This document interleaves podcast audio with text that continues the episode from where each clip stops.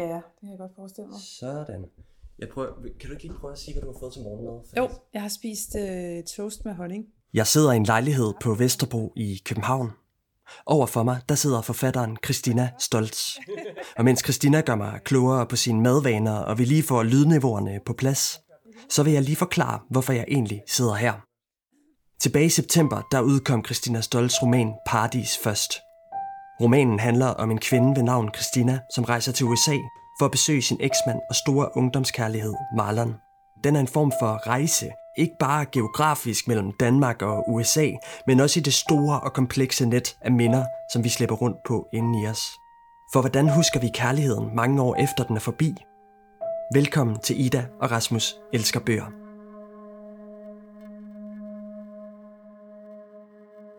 Vi skal tale om din bog, Ja.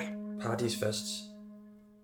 Jeg tænker, at man kunne starte med at snakke om, det er jo en lang proces, kan jeg forstå, som indeholder alle mulige øhm, elementer af undersøgelse af kærlighed og nogle personlige sådan minder og hvordan man husker noget.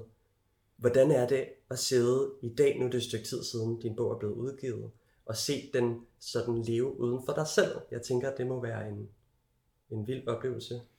Ja, det er først og fremmest rigtig dejligt. Altså, at der er så mange læsere, som, som både kan blive grebet af historien, men som også virker til at kunne relatere. Altså, det sætter måske gang i deres egne øh, minder, ikke? Øh, det er i hvert fald det, jeg hører fra mange læsere, at de ligesom, udover at selve historien tager dem, så er der også noget med, at det, de går, det, de får dem til at gå tilbage i deres eget kartotek, kan man sige, ikke? Øh, og det, det, det er jo bare enormt tilfredsstillende, når man udgiver noget, at det vækker genklang derude. Ja, det kan jeg forestille mig.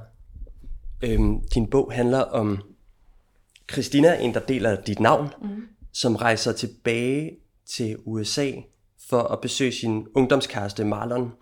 Og den handler lige så meget, synes jeg, og det tror jeg er ret obvious, men om kærligheden selv, og hvordan vi husker den på afstand.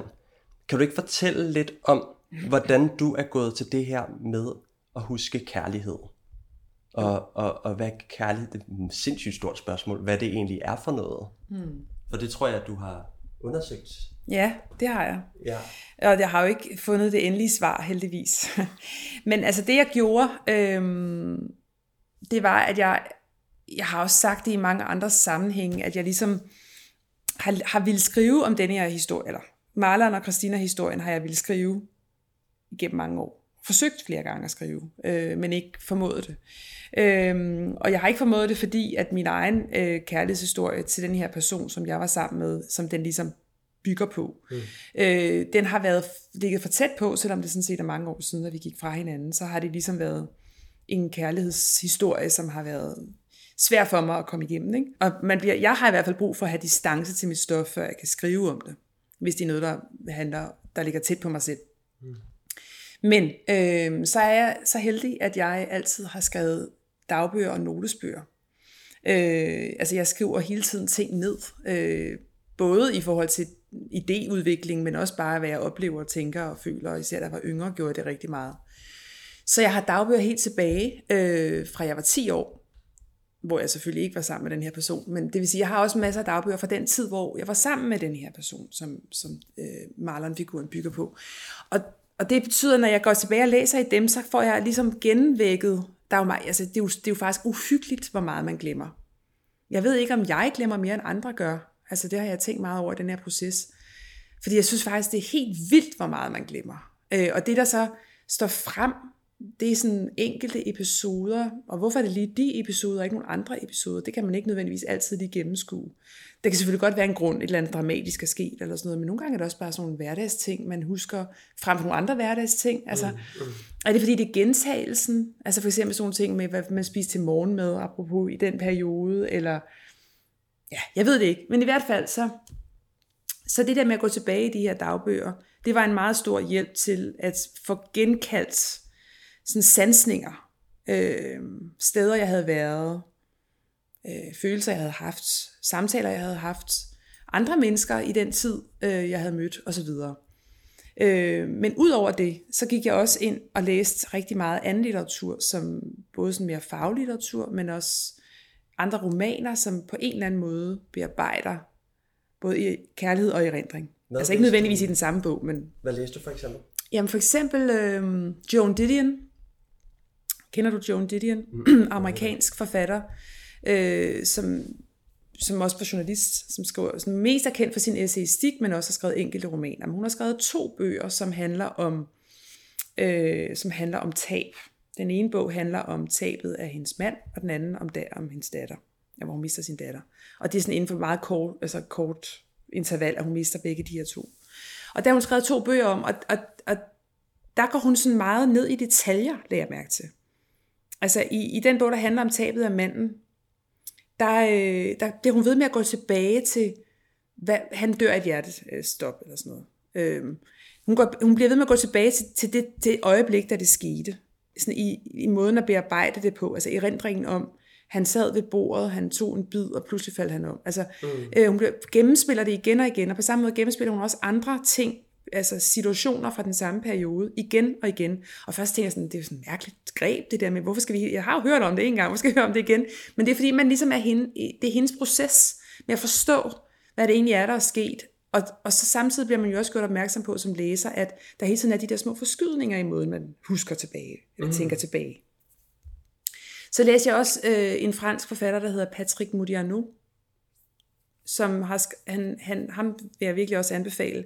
Ja. Øhm, han, der er flere af hans bøger, der er oversat til dansk. Blandt andet læste jeg den, der hedder Askeblomster, som han er meget kendt, Modiano, for sine erindringsværker. Altså det, han, det er den måde, han, han skriver på, simpelthen, at han øh, går gennem Paris, altså han er fra Paris, han går gennem Paris, Paris gader og, og genkalder sig øh, andre tider øh, fra sit liv. Det, det gør han i mange af sine bøger, på forskellige måder. I den her Askeblomster, der, øh, der er der blandt andet en scene, den handler om ham selv som barn, eller hovedpersonen som barn, som ligger tæt på forfatteren, øh, som jeg tror går på en kostskole eller sådan noget, og så stikker han af. Og så, så den scene, hvor han stikker af, tager ind til Paris, går ind på en øh, café, øh, får kontakt til en bartender, som viser sig at være en dansk kvinde faktisk. Øh, den gennemspiller han flere gange. Så i den første scene, der, øh, der siger hun, kom hen til mig, lad mig hjælpe dig, du kan komme med mig hjem og sove. Øh, fordi hun forstår, at han ligesom er lost på en eller anden måde. Ikke? Mm. Og i den næste scene, senere i bogen, gennemspiller han den samme, men der sker der noget andet. Hun siger til ham, du kan tage hjem til mig med bussen, men jeg skal altså lige først ud og køre med min kæreste. Altså, det bliver en helt anden situation, øh, som han altså åbenbart husker forskelligt, afhængig af, hvornår han husker tilbage. Og, helt, og de greb der, altså både Modianus og, og øh, Didions greb, som jo er forskellige, men alligevel ligger tæt på hinanden, det inspirerede mig helt vildt meget til, hvordan jeg ligesom skulle få hul på min egen måde at gribe stoffet an på. Og du gør det jo, når du arbejder med erindringen i din roman Paradis Først, der vi forsvinder lidt ind og ud af denne her karakter. Vi går fra at være et jeg til at være et hun, til at være et jeg, til at være et hun, ikke? Øh, og til at være nutid, og til at være datid, og nutid og datid. Det, det, det er meget svømmende både i, i tid og person på den måde. Hvorfor valgte du at gøre det på den? Hvorfor valgte du det greb? Det er jo sådan meget utraditionelt på en måde, ikke? Ja.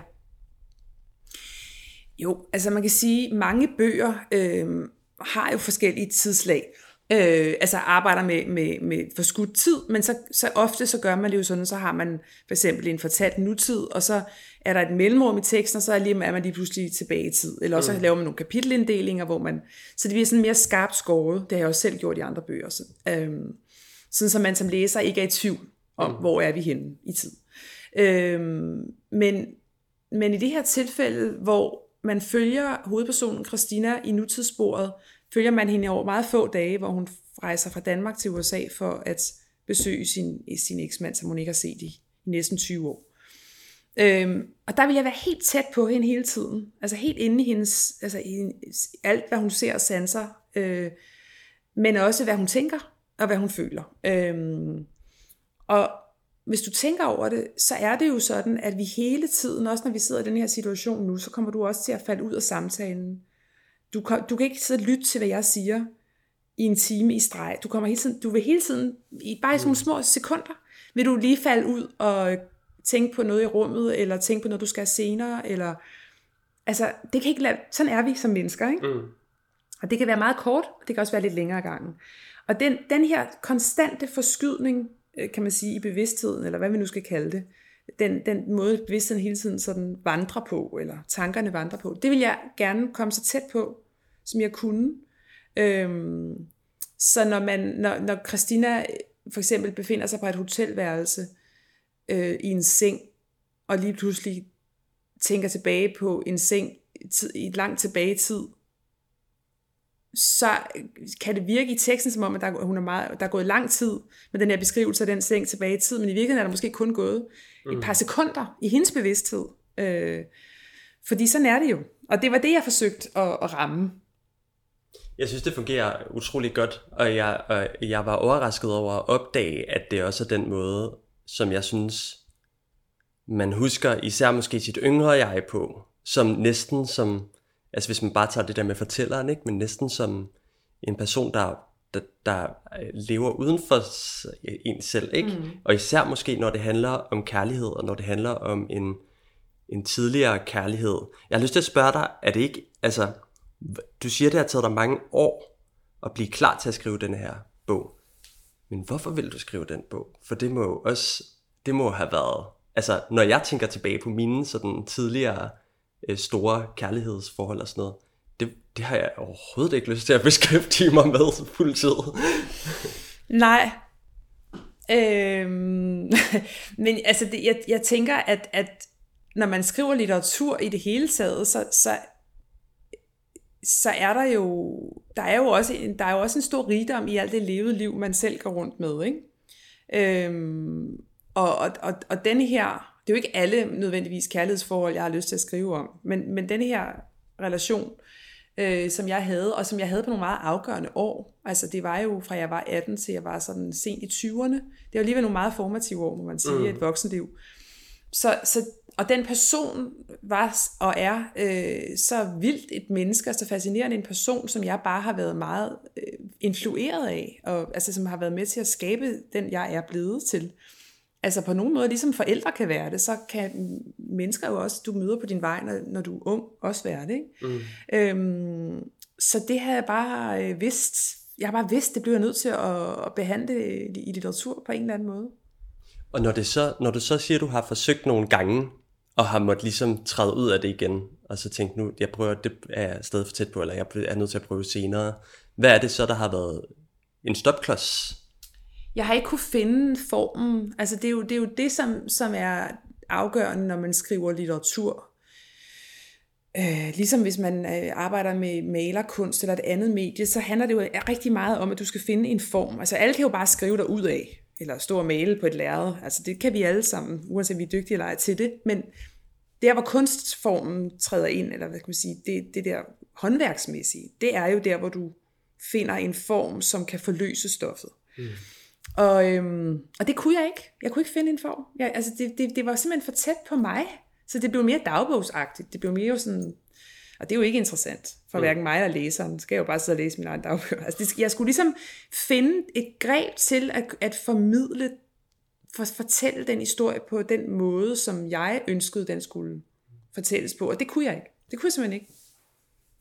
Og hvordan, nu tænker jeg, at det er mange år siden med, med den, øh, virkelighedens øh, malerne og sådan noget, men hvad, altså, lidt et spørgsmål, jeg allerede har stillet, med. jeg gør det bare ja. lige igen, fordi ja. Nogle gange er det, øh, som du også næsten selv siger, meget godt sådan at komme tilbage til ting. Mm. Hvordan har det været, hvordan har det været at genbesøge sådan et minde, som jeg for eksempel bare vil, altså måske forsøge at holde på lang afstand? Det er en blandet fornøjelse. Altså, altså derfor, det er jo også derfor, du gerne vil holde det på lang afstand, og det forstår jeg også godt. Øhm, men, men forskellen på at bare genbesøge noget, og så forløst igennem skrift og, og, blive, og lade det blive til et værk, det, mm. det er jo noget andet. Fordi så bliver det lige pludselig sådan en meget... Øh, når, man, når, når man først får hul på stoffet, og formen er fundet, eller hvad skal man sige, man kan, man kan se det for sig på en eller anden måde, så er det jo ikke længere mine følelser, der, der, der ligesom er på spil. Mm. Så er det sådan mere prof- professionelt, mærkeligt i den her sammenhæng, men så er det sådan en ivrighed efter at forløse det her stof. Mm. Sådan en grådighed næsten mm. til, hvordan kan det her blive, ikke? Så det er jo ikke sådan noget med at sidde og, og, og pille sig i navlen og sørge over et eller andet, eller åh, oh, det var også frygteligt. Eller så. Altså, det er for, den del af det er langt væk. Ikke? Men man kan sige, at genbesøge stoffet på det mere personlige niveau, det er jo ikke, øh, altså, altså det, det er jo det er jo mærkeligt, fordi som du selv siger, når man tænker tilbage eller genbesøger sig selv som yngre, så er det på en måde som at besøge en fremmed, en man ikke længere er. Mm. Og samtidig så er det jo en del af en selv, så, så, man, så det, det er en mærkelig blanding af, af sådan fremmedgørelse på en måde, og på den anden side sådan måske næsten omsorgsfuldhed over for den person, man var dengang. Sådan et mm. forsøg på at forsone sig med det. Der er mange følelser i det. Men, men det er ligesom om, det ligger i sin egen lomme, og, og, og selve skrivearbejdet, det, er, det handler meget mere om at ville forløse noget på den bedst tænkelige måde. Ikke? Mm. Så sådan ligesom to ting. Ja. Ja. Og nu er kærlighed jo ikke det eneste tema i bogen. Der er også øh, nogle lidt mere sådan, hvad skal man kalde det, sider, der for eksempel handler om racisme, som vi også talte om, inden vi, inden vi begyndte at optage, og der er noget, noget politisk. Hvad, hvad ud over det her næsten studie i kærlighed, du har øh, øh, arbejdet med under tilblivelsen, har ellers sådan interesseret dig? Hvad er det ellers, der interesserer dig, har interesseret dig, da du, da du skrev den her bog? Jamen det, der jo er interessant ved kærlighed, det er der mange ting, der er, men det er jo, at den udspiller sig i en tid. Øh, som, og i det her tilfælde udspiller den sig i primært i 90'erne, 1990'erne, og det er faktisk virkelig, når man sidder nu og ser tilbage på den tid, så er det vidderlig en anden tid mm. på mange måder. Og den tid spejler jeg jo så i romanen i min egen nutid, i vores nutid. Altså den foregår, nutidssporet foregår i 2018, mens der er øh, midtvejsvalg i USA.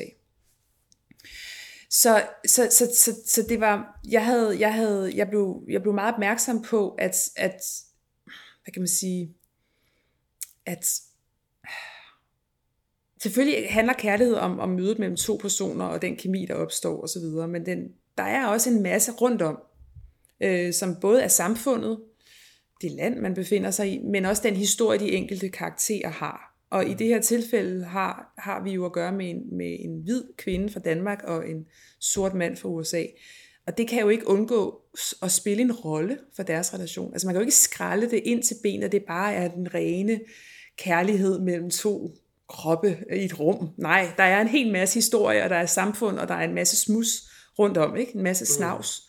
Mm. Øhm, og, og det bliver jo en del af historien, og så derfor så bliver sådan noget som racisme for eksempel en del af historien, fordi at Marlon øh, vokser op i et, øh, i et miljø og et samfund, hvor racisme er en del af hans hverdag simpelthen. Ikke? Mm, mm. Og det er ikke en del af Christinas virkelighed. Hun kommer fra Danmark og fra et meget hvidt Danmark øh, i 90'erne og 80'erne, da hun vokser op, er der, det er ikke særlig multikulturelt på det tidspunkt i Danmark, mildest talt. Så hun har ikke rigtig noget begreb om, hvad det egentlig er for en verden, han, han kommer fra. Så det, kan man sige, møde, eller øh, hendes naivitet parret med hans viden, eller kan man sige, det fylder, det fylder i bogen. Mm. Det er øh, sjovt at tænke på det der med, når man er opvokset i Danmark, og i altså meget hvide Danmark, ikke? Og ja, nu bor jeg selv i England, og har boet der i to og et halvt år, og noget, jeg har tænkt over, er, at jeg har jo, altså, jeg siger 50, måske nærmest 60 procent af mine venner er jo ikke hvide. og det er lige over på den anden side af kanalen, og ja. det er jo en helt anden virkelighed, ja. som de skal forholde sig til, end den jeg skal forholde mig til.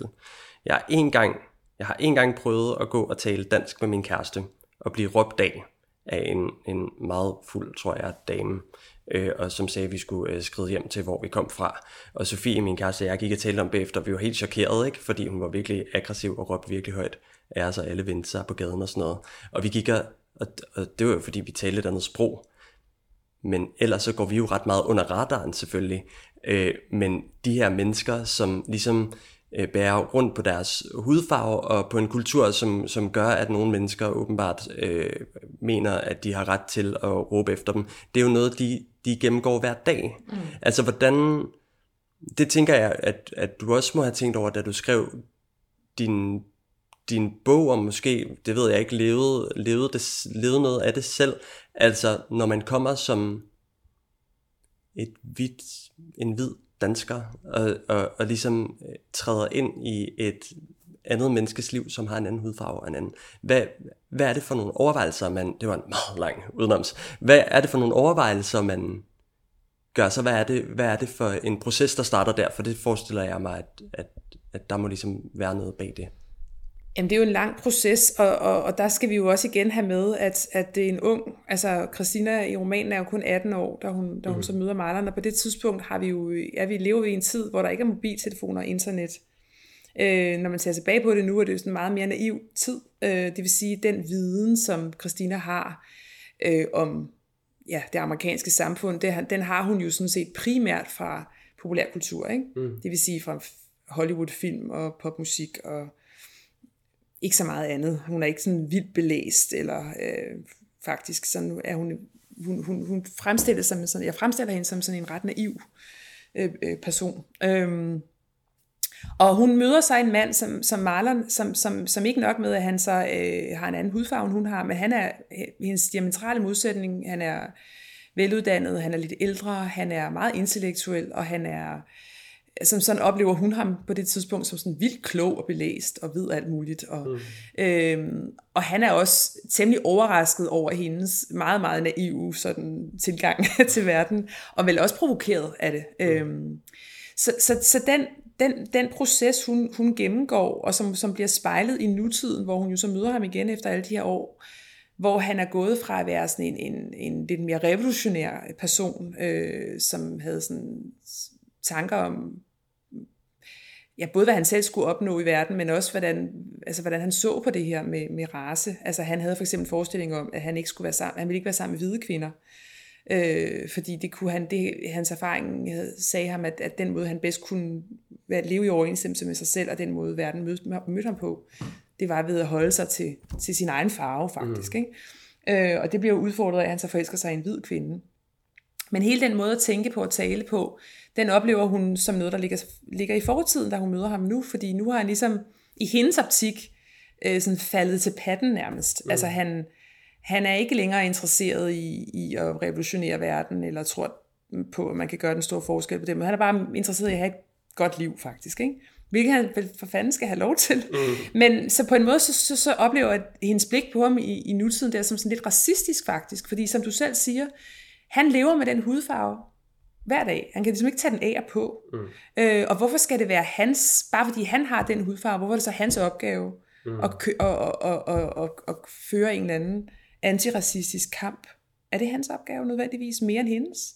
Det ved jeg ikke, men det er sådan, hun tænker der, at, at hun ligesom er skuffet på en eller anden måde over, at han ikke, at han ikke stadigvæk er på barrikaderne. Ikke? Øhm, det siger temmelig meget om, om hende, øh, og, og det privilegerede blik. Ikke? Altså, det kan godt være, at hun er blevet, det kan godt være, at hun er blevet mere, ja, det er hun jo selvfølgelig, hun er blevet ældre, og hun er, ved mere om verden, og hun har været sammen med ham, og hun har læst en masse i efterfølgende og så videre, og oplevet en masse ting, som gør, at hun har en meget mere nuanceret forståelse af tingene. Mm. Men på trods af det, så har hun stadigvæk det privilegerede blik, det hvide, den hvides blik på den brune krop. Ikke? Jo.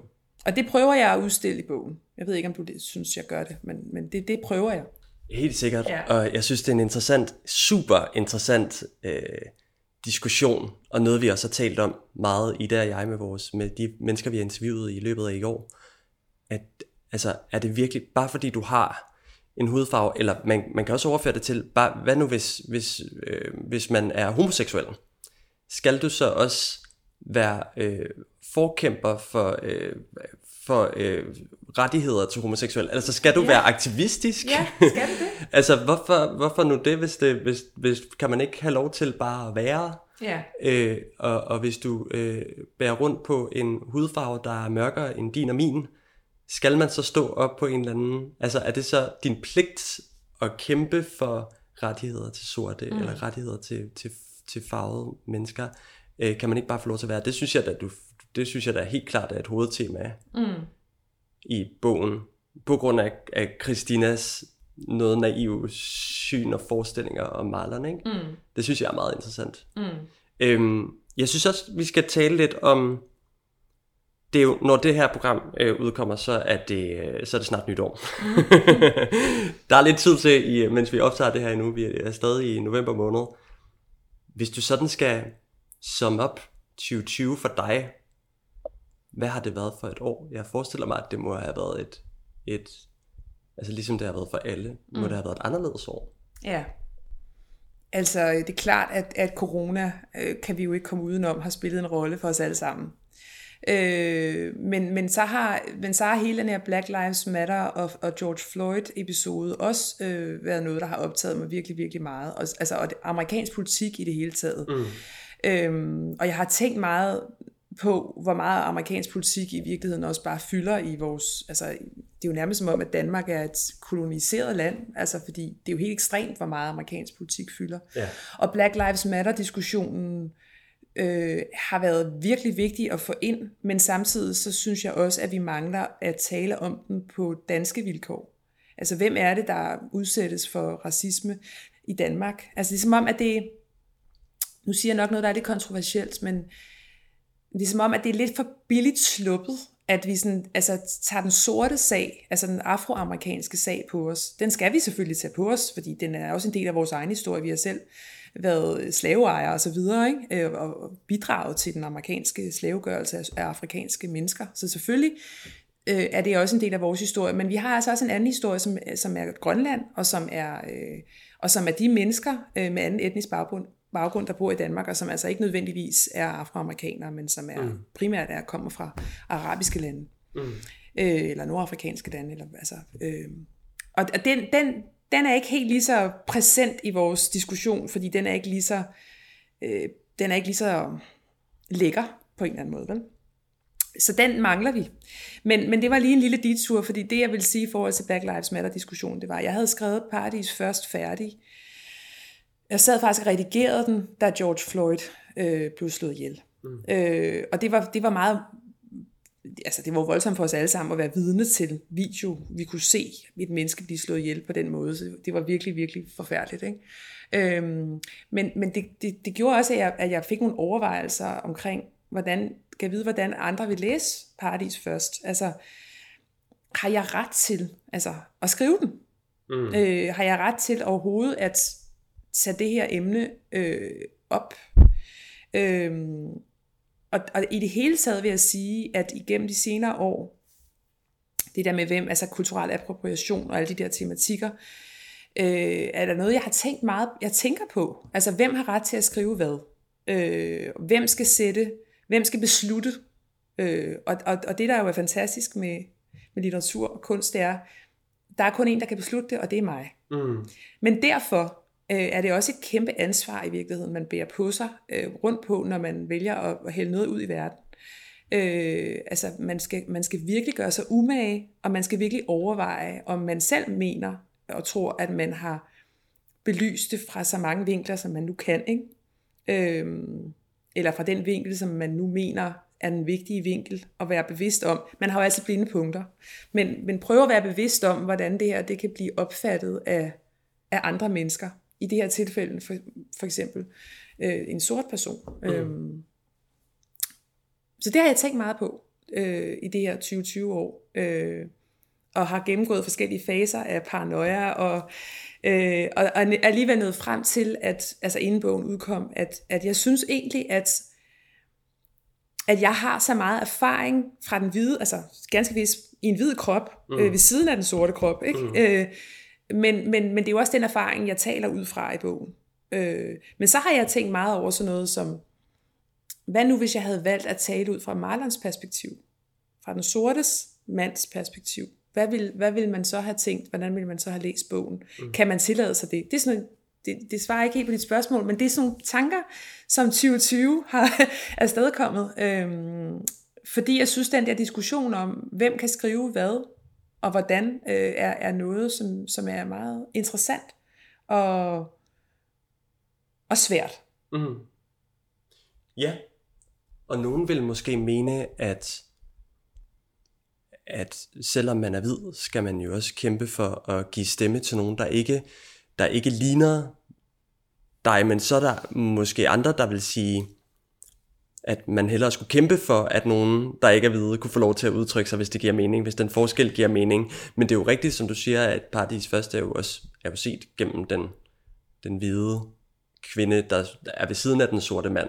Yeah. Så på den måde vel ikke så problematisk. Men hvad nåede du, hvad nåede, altså, Hvad nåede du, nåede du frem til noget? Hvad er det så for nogle historier, du kan tillade dig at fortælle, og hvad er det for nogle, du, man skal holde sig fra? Ja, men jeg, jeg, synes, jeg synes jo, min, mit, jeg, jeg står i virkeligheden det samme sted, som jeg altid har stået, med, men, men, med, min, parents, eller med min tilføjelse. Mm. Og det sted er, at jeg, jeg mener jo, at kunsten og litteraturen skal være, altså det er et frirum, og det er et sted, hvor man skal kunne sprænge grænser, og hvor man skal kunne øh, bryde vægge ned, og man skal kunne gå hen over landegrænser og tider osv. Men altså det, det, det er jo noget af det, der er så fantastisk ved litteratur. Ikke? Mm. Øh, og nu for eksempel, lige nu i de her dage i Danmark, der taler man om kanon i skolen, altså folkeskole, gymnasie, om det, som er overrepræsenteret mandlige, altså stærkt overrepræsenteret mandlige forfattere. Øh, og jamen, kan det ikke også være fint nok, øh, jeg er så blevet spurgt i et interview, fordi øh, de kan jo også godt, øh, der er jo mange af dem, der er rigtig gode til at beskrive kvindeliv, så er det ikke godt nok. Mm. Og så kan man sige, jo, altså det er da godt, at en, at en mand kan, kan, kan skrive om kvindeliv, så vi, så vi kvinder også kan spejle os i det. Øh, og derfor skal han blive ved med det. Han skal ikke holde op med det, fordi det er virkelig også vigtigt at kunne skabe de broer ind i sig selv og uden for sig selv. Mm. Men er det ens betydning med, at der ikke også skal kvindelige forfatter på? Altså forstår du, hvad jeg mm. mener? Mm. Og det samme gælder også, når vi taler om hudfarve og minoriteter osv.